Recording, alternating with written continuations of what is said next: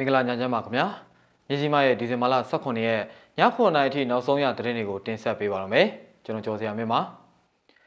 နိုင်ငံတော်တိုင်ပင်ခံပုဂ္ဂိုလ်ဒေါန်ဆန်းစုကြည်ကိုအကျဉ်းတော်ဝတ်စုံနဲ့ရုံထုတ်တဲ့တဲ့လေကေကောမြောက်ကုန်းကစစ်ကောင်စီတပ်ဖွဲ့တွေက KNU ထံရိတ်ခါပေးဖို့အကူအညီတောင်းတဲ့တဲ့ ခရမ်းမြို့နယ်ကိုစစ်ကောင်စီကဝင်ထွက်ခွင့်မပြုဘဲပိတ်ဆို့ထားတဲ့တဲ့နဲ့လက်ဗရောင်းတော်ပင်မတပိတ်စစ်ကြောင်းနဲ့မုံရပင်မတပိတ်စစ်ကြောင်းပူးပေါင်းချီတက်ဆန္ဒထုတ်ဖော်တဲ့တဲ့အစရှိတဲ့တဲ့တွေကိုတင်ဆက်ပေးသွားတော့မှာဖြစ်ပါတယ်ပထမဆုံးအနေနဲ့နိုင်ငံတော်အတိုင်ပင်ခံပုဂ္ဂိုလ်ဒေါန်ဆန်းစုကြည်ကိုအကျဉ်းတော်ဝစ်စုံနဲ့ရုံထုတ်တဲ့တဲ့ကိုတင်ဆက်ပေးပါမယ် စစ်တပ်အာဏာသိမ်းပြီးတဲ့နောက်ဖမ်းဆီးတရားစွဲဆိုခံထားရတဲ့နိုင်ငံတော်တိုင်ပင်ခံပုဂ္ဂိုလ်ဒေါန်ဆန်းစုကြည်နဲ့နေပြည်တော်ကောင်စီဥက္ကဋ္ဌဒေါက်တာမျိုးအောင်တို့ကိုအကျဉ်းတော်ဝစ်စုံနဲ့ဇဘူတီရီမြို့နယ်အထူးတရားရုံးမှာဒီကနေ့ဒီဇင်ဘာလ18ရက်နေ့ကရုံးထုတ်စစ်ဆေးခဲ့တယ်လို့တရားရုံးနဲ့နှီးဆက်သူတွေကမျက်စိမှကိုအတည်ပြုပြောပါတယ်။တရားရုံးမှာနိုင်ငံတော်တိုင်ပင်ခံပုဂ္ဂိုလ်ဒေါန်ဆန်းစုကြည်ဟာအဖြူအောင်အင်ဂျီနဲ့အညိုရောင်လုံကြီးဝစ်ဆင်ထားပြီးဒေါက်တာမျိုးအောင်ဟာအဖြူအောင်အင်ဂျီနဲ့အပြာရောင်လုံကြီးတို့ကိုဝစ်ဆင်ထားတယ်လို့သိရပါတယ်။ အဲ့ဒီအကျဉ်းတော်ဝစ်စုံတွေကိုထောင်အာဏာပိုင်တွေကပေးရခဲ့တာဖြစ်တယ်လို့လည်းတရားရုံးနဲ့နှိစက်သူတွေကပြောပါတယ်။ရုံးချင်းမှာတော့၎င်းတို့ပေါ်ဆွဲဆိုထားတဲ့အဂရိလိုက်စားမှုဥပဒေပုံမှန်55နဲ့အမှု9မှုအနက်ရန်ကုန်တက္ကသိုလ်ရိပ်သာလန်းကဒေါခင်ကြီးဖောင်ဒေးရှင်းမြေနေရာငားရမှုနဲ့ပတ်သက်တဲ့အမှုတစ်ခုကိုသာတရားရုံးကစစ်ဆေးခဲ့ပြီးအမှုတွေအတွက်လာမယ့်ဇန်နဝါရီလ9ရက်နေ့ကိုရုံးချင်းပြန်လည်ချင်းဆိုခဲ့တယ်လို့သိရပါတယ်။ ဒီကနေ့တရားခွင်အတွင်းတရားလိုပြတက်တွေတွေဖြစ်ရန်ကုန်တိုင်းဝန်ကြီးချုပ်ဟောင်းဦးဖြိုးမင်းသိန်းနဲ့ရန်ကုန်တိုင်းအစိုးရအဖွဲ့ဝန်ကြီးဟောင်းဒေါ်လီလာကျော်တို့နှစ်ဦးကအမှုအတွက်တက်တွေထွက်ဆိုခဲ့ပြီး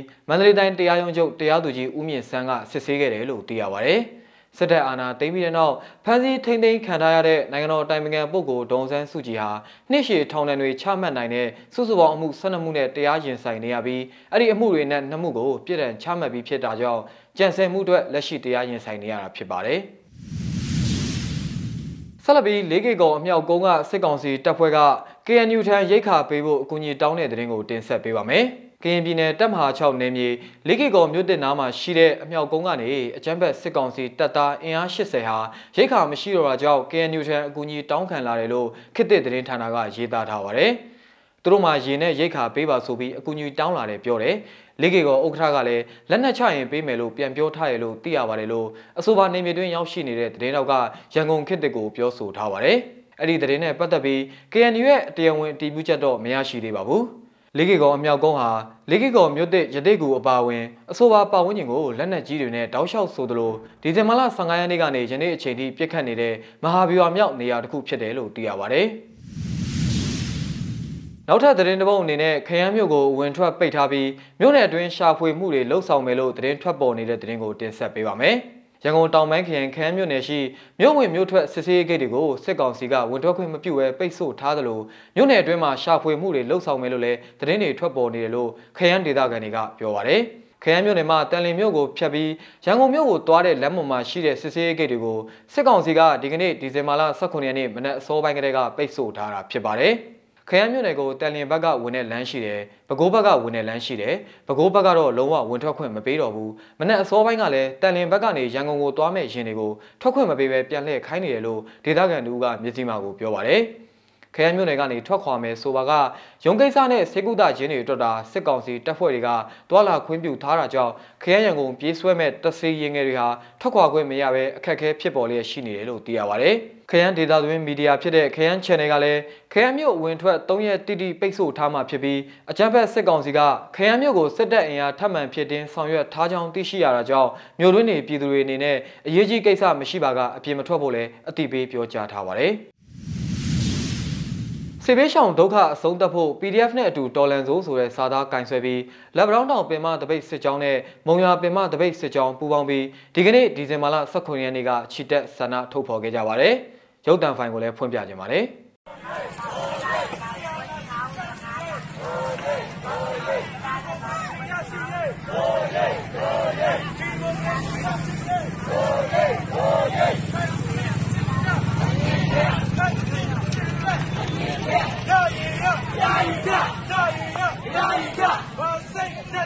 လမ်းပြီးဆိုင်တဲ့ဘယ်တိဆိုင်တဲ့ကိုယ်ဆိုင်တဲ့ငါတော်တဲ့ဒီလူအာနာဒီလူပြန်